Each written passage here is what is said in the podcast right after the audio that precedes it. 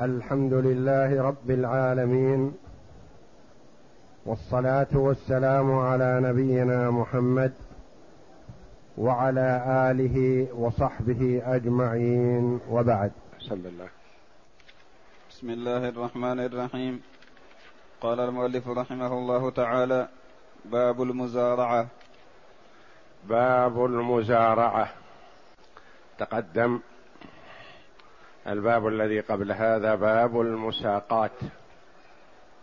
والمساقات أوسع وأعم من المزارعة ولهذا أطنب عليها ووضح وأحال في كثير من فقرات المزارعة إلى المساقات إلى ما حصل من قبل. وهنا فرق بين المساقات والمزارعة. المساقات السقي. سقي الأشجار والنخيل والزروع وغيرها. كل ما يحتاج إلى سقي. والمزارعة في باب الزرع فقط. يعني سقي النخيل ما يقال له مزارعة. سقي الأشجار وإصلاحها لا يقال له مزارعة. وإنما في باب الزرع. وقد تكون المساقات لواحد والمزارعة لواحد يساقي ويزارع فالزرع يكون بين الأشجار وفي الأرض الفضاء والمساقات للنخيل والأشجار وغيرها. باب المزارعة وحكمها حكم. المساقات على ما تقدم على الخلاف. قلنا هل هي عقد جائز أو عقد لازم؟ وعرفنا الفرق بين العقد الجائز والعقد اللازم. العقد الجائز مثل توكل زيد اليوم وتخلع وتفسخ وكالته غدا. توكله أنت ويقبل وغدا يعطيك الوكالة يقول فسختنا ما أريد وكالتك. فهي عقد جائز بين الطرفين. هذا يسمى عقد جائز. البيع يقال له عقد لازم. إذا اشتريت من شخص ما أي شيء متحرك أو ثابت مأكول أو غير مأكول اشتريته وأصبح في ملكك. ما يأتيك غدا أو بعد غد يقول خذ دراهمك ورد علي بضاعتي رد علي بيتي. لا يقول هذا عقد لازم. خلاص انتهينا. ما دام اتفقنا. أو أنت بعد أيام مثلا تقول أنا عدلت أعطني القيمة وخذ بيتك وخذ أرضك. لا لأن العقد لازم فلا يفسخ إلا لعيب في المبايعة. فالمساقات والمزارعة قيل عقد جائز يعني تساقي شخص على نخلك أو شجرك إن طاب له المقام أقام وإلا رفع يده. وكذلك أنت إن رأيت منه الإصلاح والعناية أبقيته وإن رأيت منه الإهمال والتضييع قلت له ارفع يدك. ويعطيك أجرة الأيام التي اشتغلتها. هذا يسمى عقد جائز.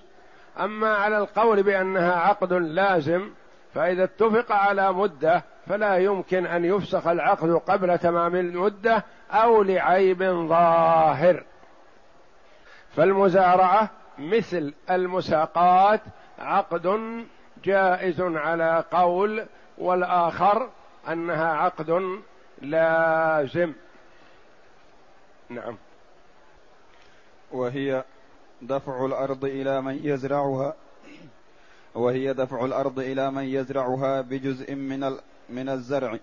وهي دفع الأرض إلى من يزرعها بجزء من الزرع أيا كان الزرع.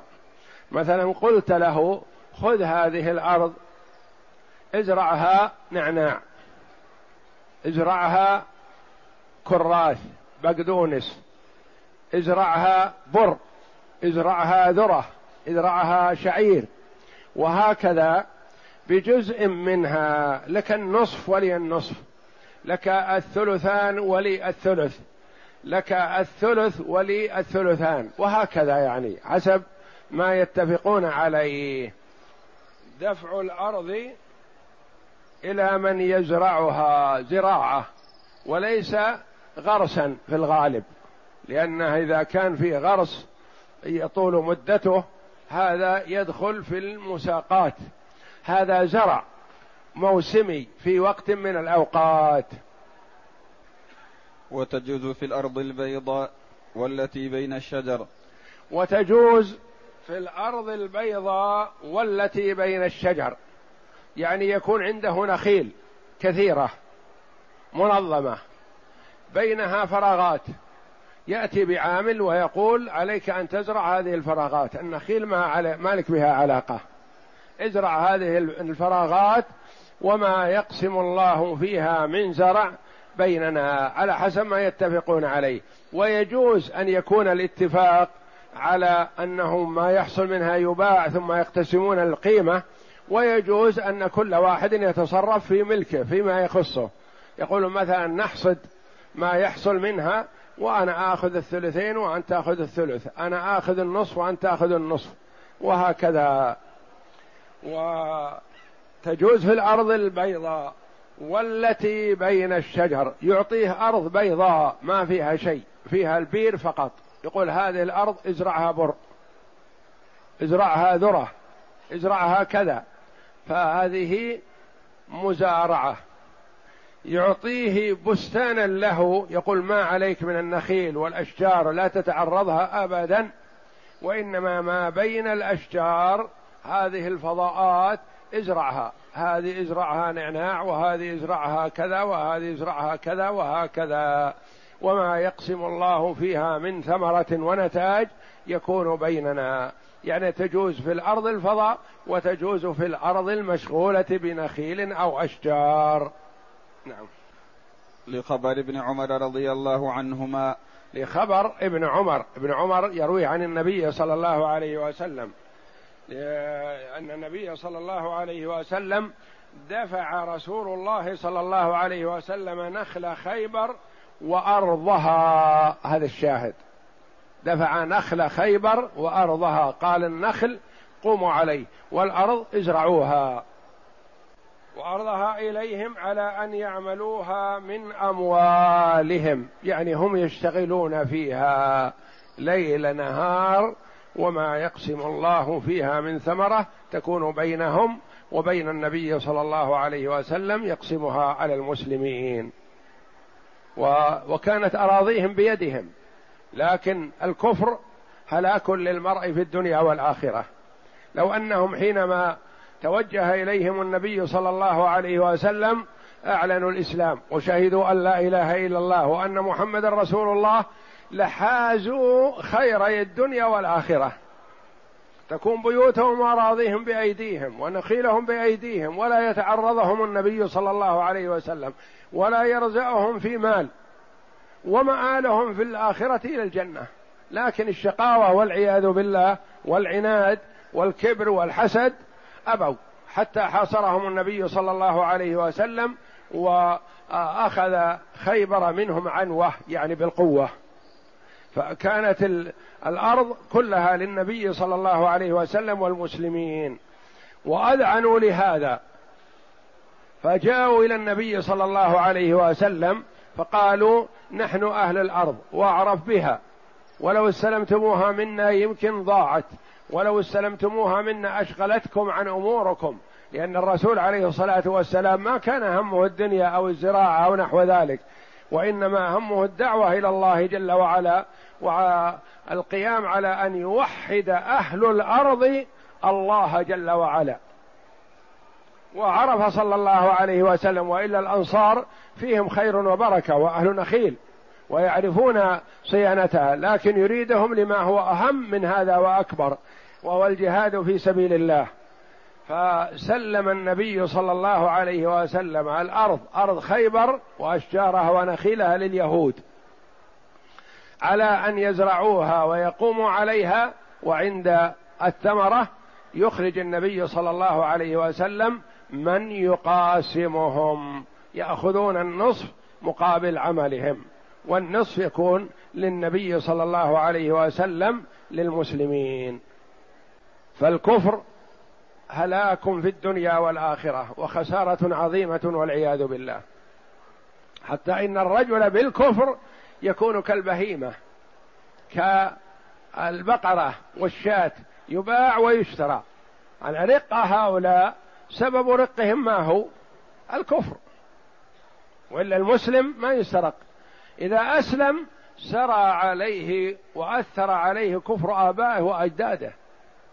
ما دام أن أبوه رقيق اولاده يكون أرقة حتى لو أسلموا ونشأوا في الإسلام. ثم بعد الإسلام حث النبي صلى الله عليه وسلم على العتق ورغب فيه. وجعل الله جل وعلا كثيرا من الكفارات تبدأ بعتق رقبة. فالرق سببه الكفر لا غير. والإسلام يريد من الناس أن يعبدوا الله وحده لا يريد منهم سوى ذلك. ولا يأخذ الولاة منهم الأموال يستعين بها وإنما يريد منهم أن يعبدوا الله وحده. لما تسارع الناس في ولاية عمر بن عبد العزيز رضي الله عنه ورحمه إلى الإسلام الكفار والأهل الذمة سارعوا لأنه رحمه الله وضع الجزية عمن أسلم. من يسلم وهذا هو الشرع من يسلم توضع عنه الجزية. سارع الناس إلى الإسلام. ففنيت نفدت الخزائن. ما في الخزائن أموال. أول الخزائن يجبى إليها الجزية والأشياء التي ترد من الكفار. مقابل حمايتهم آه، نفدت الأموال في الخزائن. فكتب أحد الولاة قال لو تركنا الجزية على من أسلم ناخذ منه الجزية لو أسلم. فأرسل إليه عمر رضي الله عنه قبح الله رأيك إن الله بعث محمدا صلى الله عليه وسلم هاديا ولم يبعثه جابيا. ويقول في نفسه رضي الله عنه عمر بن عبد العزيز أحقر وأصغر من أن يسلم الناس على يده. يقول يا ليت أهل الأرض يسلمون وندفع لهم ما بأيدينا من أموال. لأن نريد منهم أن يعبدوا الله وحده لا نريد منهم أن نأخذ منهم أموال. الرزق على الله. فإن الله بعث محمدا صلى الله عليه وسلم هاديا ولم يبعثه جابيا. قبح الله رأيك ما جامله. والإسلام يدعو الناس قاطبة إلى الدخول في الإسلام وإلى سعادتهم كما قال الله جل وعلا كنتم خير أمة أخرجت للناس لماذا بالأمر بالمعروف والنهي عن المنكر والإيمان بالله. ومن أعظم الأمر بالمعروف والنهي عن المنكر الدعوة إلى الله جل وعلا وترغيب الناس في الإسلام وجهاد الكفار لأن أعلى الأمر بالمعروف والنهي عن المنكر جهاد الكفار لأجل ما هم فيه من المنكر الذي هو الكفر بالله الذي هو أعظم ذنب عصي الله به هو الشرك. وهو أظلم الظلم. يا بني لا تشرك بالله إن الشرك لظلم عظيم. لخبر بن لخبر ابن عمر رضي الله عنه وما ذكرنا في المساقات. وأيهما أخرج البذر جاز وأيهما أخرج البذر جاز. يعني يدفع إليه الأرض ويقول هذا هذه ذرة ازرعها. هذه مثلا حبوب بر. اشتريتها من مكان كذا لأجل الجودة وأنها جيدة ازرعها. أو يقول أنت تحضر الحبوب لكن أشترط عليك أن يكون ما تزرعه تبذره في الأرض من حبوب كذا. حبوب جيده ما يخرج الزرع ضعيف. لأن النبي صلى الله عليه وسلم دفع خيبر معاملة ولم يذكر البذر. ما ذكر البذر ما ورد ذكر البذر. هل النبي صلى الله عليه وسلم هو الذي أعطاهم البذر أم هم الذين قاموا به؟ والظاهر والله أعلم أنهم هم الذين قاموا به لأنه ما دام ما لم لم يذكر فمعناه أنهم تولوا الأرض زراعتها وببذرها فدل على أن البذر ما يشترط أن يكون من هذا أو من هذا. وفي ترك ذكره دليل على جوازه من أيهما كان. نعم. وفي بعض لفظ الحديث ما يدل على أنه جعل البذر عليهم لقول ابن عمر رضي الله عنهما دفع رسول الله صلى الله عليه وسلم نخل خيبر وأرضها إليهم على أن يعملوها من أموالهم على أن يعملوها من أموالهم. هذه الفقرة دليل على أنهم يتولون كل شيء وأن كل شيء عليهم. الرسول عليه الصلاة والسلام سلمهم النخيل والأراضي قائمة ومياهها فيها وأشجارها فيها على أن يزرعوها. وفي لفظ على أن يعملوها ويزرعوها ولهم شطر ما يخرج منها. على أن يعملوها ويزرعوها. يعني يقوموا عليها بالعناية ويزرعوا ما يحتاج إلى زراعة ولهم شطر ما يخرج منها. والشطر إذا قيل فالمراد به النصف. وعن عمر رضي الله عنه أنه كان يدفع الأرض على أن من أخرج البذر فله كذا ومن لم يخرجه فله كذا. وظاهر وكان عمر رضي الله عنه أيام ولايته يدفع الأرض على من أخرج على أن من أخرج البذر فله كذا ومن لم يخرجه فله كذا. يقول يعني مثلا أسلمك هذه الأرض على أنك تأتي بالبذر ويكون لك النصف من الناتج. أسلمك هذه الأرض على أني أعطيك البذر أنا ويكون لك الثلث ولي الثلثان وهكذا. نعم. وظاهر كلام أحمد رحمه الله أنه يشترط كون البذر من رب الأرض لأنه عقد ظاهر المذهب يعني قياس على أن الأشياء التي تشترى وهي نفس النتاج في المستقبل يقول يكون على صاحب الأرض لأنه مثل مال المضاربة. أنا أعطيك دراهم تشتغل فيها وما يقسم الله من ربح بيننا أعطيك حب تزرعه وما يقسم الله من آه، زرع وثمر يكون بيننا وهكذا. يقول فظاهر المذهب أن البذر يكون على صاحب الأرض لأنه هو المقصود بالربح. لأنه عقد يشترك رب المال والعامل في نمائه فوجب أن يكون رأس المال من رب المال كالمساقات والمضاربة. فإن شرطه على العامل أو شرط أن يأخذ رب الأرض مثل بذره ويقتسم ما بقي فسدت الزراعة. هذا هو الظاهر قول على أنه إذا شرطه على العامل أو شرط رب المال قال أنا آخذ مقابل البذر. أنا أعطيك مثلا ثلاثين كيس بذر. فإذا استوت الثمار أخذت ثلاثين كيس البذر وما بقي نتقاسمه.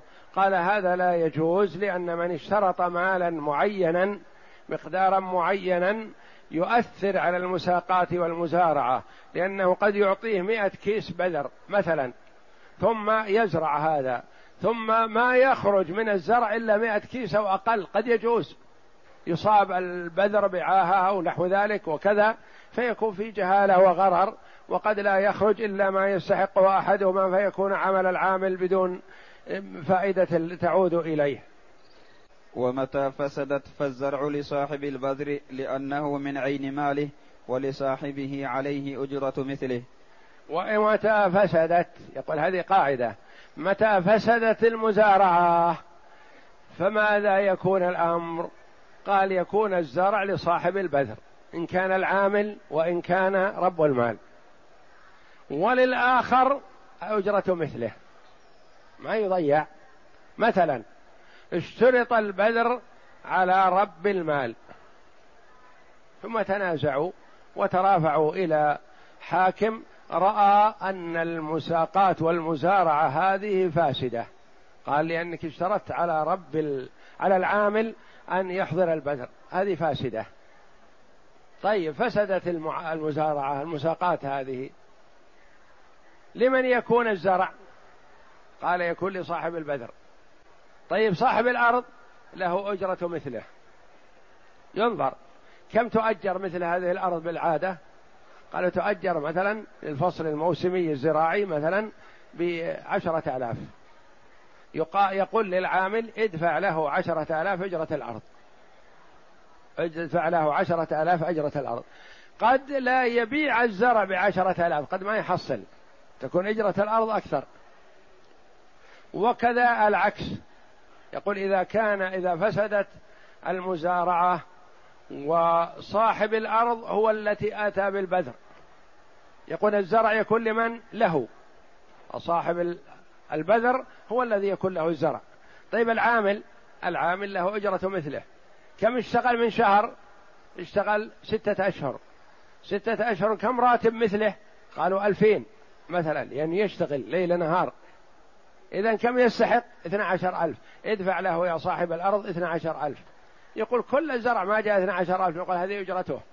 حتى لو ما جاء اثنى عشر ألف. ولمن يعني يكون الزرع لصاحب البذر. والآخر له أجرة مثله. سواء كان الآخر صاحب الأرض له أجرة الأرض أو العامل له أجرة عمله على الآخر.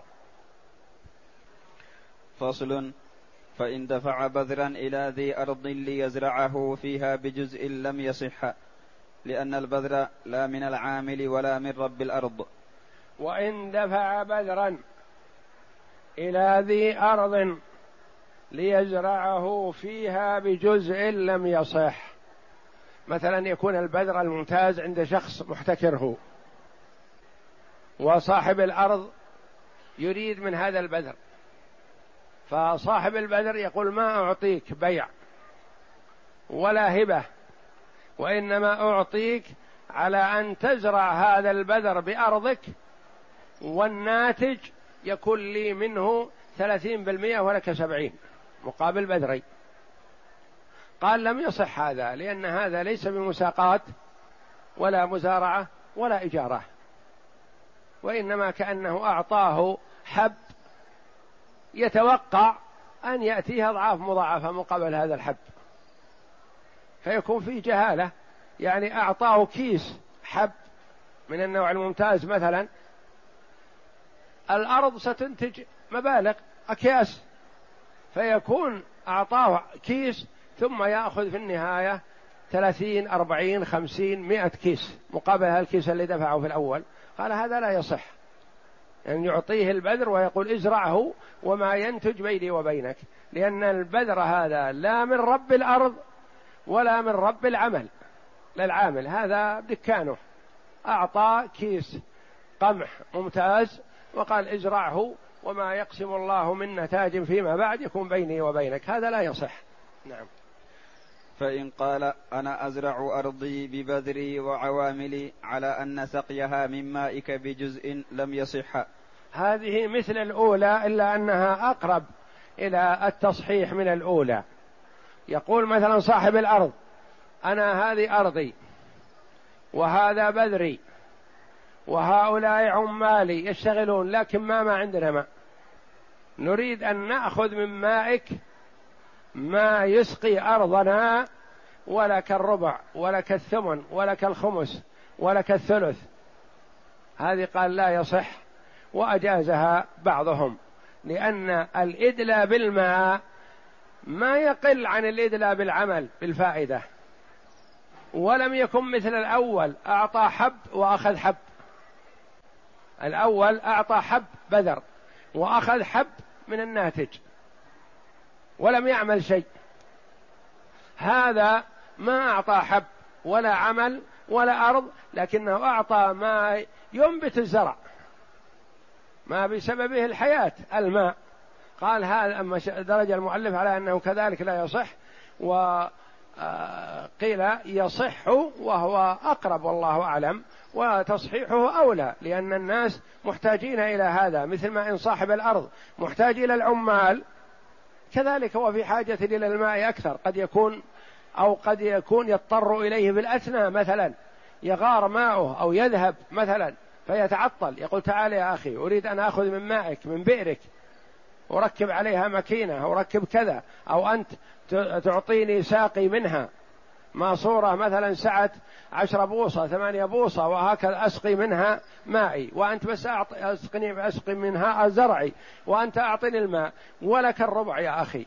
فهذا في مصلحة للطرفين وليس فيه جهالة وغرر لأنهم دخلوا على بينة وبصيرة وما دفع حبا وآخذ حبا وإنما سقى أتى بالماء. لأن المزارعة مثل هذا لو اتفق مع مثلا مع صاحب وايت قال مثلا الماء عندنا قليل ونحن في حاجة إلى الماء فأنت نريد منك أن تأتينا كل يوم بثلاثة وايتات نسقي فيها وما يقسم الله من ربح من زراعة نعطيك الربع ولنا ثلاثة أرباع لك النصف ولنا النصف وهكذا. لأن الماء في حاجة وإذا توقف الماء ضاع كل شيء. لأن المزارعة معاملة على الأرض فيجب أن يكون العمل فيها من غير صاحبها. هذا تعليل. نعم. وعنه أنه يصح وعنه رواية عن الإمام أحمد أنه يصح هذا اللي هو آه، الاتفاق على الماء. نعم. اختارها أبو بكر لأنه أبو بكر من أئمة الحنابلة رحمة الله عليهم ولم يقصد خليفة رسول الله صلى الله عليه وسلم. نعم. لأنه لما جاز أن يكون عوض العمل جزءا مشاعا جاز أن وجاز أن يكون مشاع والمشاع لا يعني غبن فيه على أحد. إن نتجت مئة مثلا مئة آه، كيلو مثلا فله عشرة بالمية آه، نتج ألف كيلو له عشرة بالمية له نسبة من الناتج. وإن كانوا ثلاثة من أحدهم الأرض ومن الآخر العمل ومن الآخر البذر والزرع بينهم فهي فاسدة لما ذكرنا في أول الفصل. في أول الفصل هذا يعني من إذا كان مثلا ثلاثة قال واحد أنا أعمل والثاني منه الأرض والثالث منه البذر قال فاسدة لأن صاحب الأرض وصاحب العمل معقول لكن صاحب البذر دخل عليهم وأفسد معاملتهم لأنه ربما يعطيهم البذر كيس واحد يبذر في مساحات وأراضي شاسعة فيأخذ مقابل هذا الكيس ألف كيس أو أقل أو أكثر مثلا. فيكون فيه جهالة وفيه دخول على مال الغير وأخذ الكثير منه. فيقول لا يصح بهذا الاتفاق. لكن إذا اتفقوا على أن واحد منه العمل وواحد منه الأرض وأحدهما عليه البذر فهذا صحيح. لكن واحد يبي يأتي بالبذر كيس واحد مثلا لهذه الأرض ثم يدخل معهم بمثل عملهم حتى لو كان أقل. لو قالوا لواحد النصف ولواحد الثلث وللآخر السدس مثلا فلا يصح. والله أعلم. وصلى الله وسلم وبارك على عبده ورسول نبينا محمد وعلى آله وصحبه أجمعين.